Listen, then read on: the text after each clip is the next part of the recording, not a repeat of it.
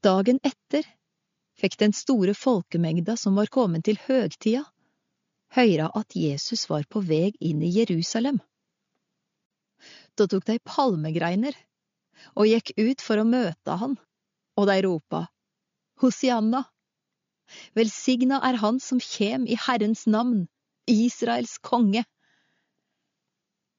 Jesus fant seg et ungt esel og sette seg på det, som det står skrivet. Vær ikke redd, dotter Sion.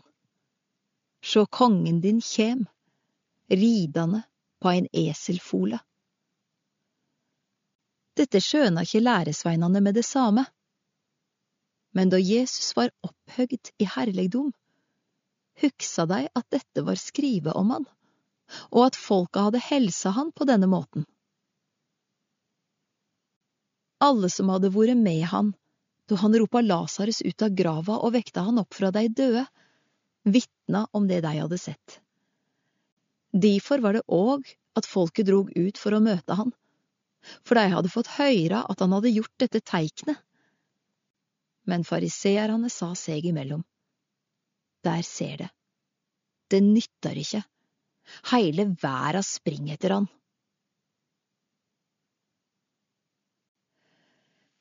Jesus taler om at han skal dø.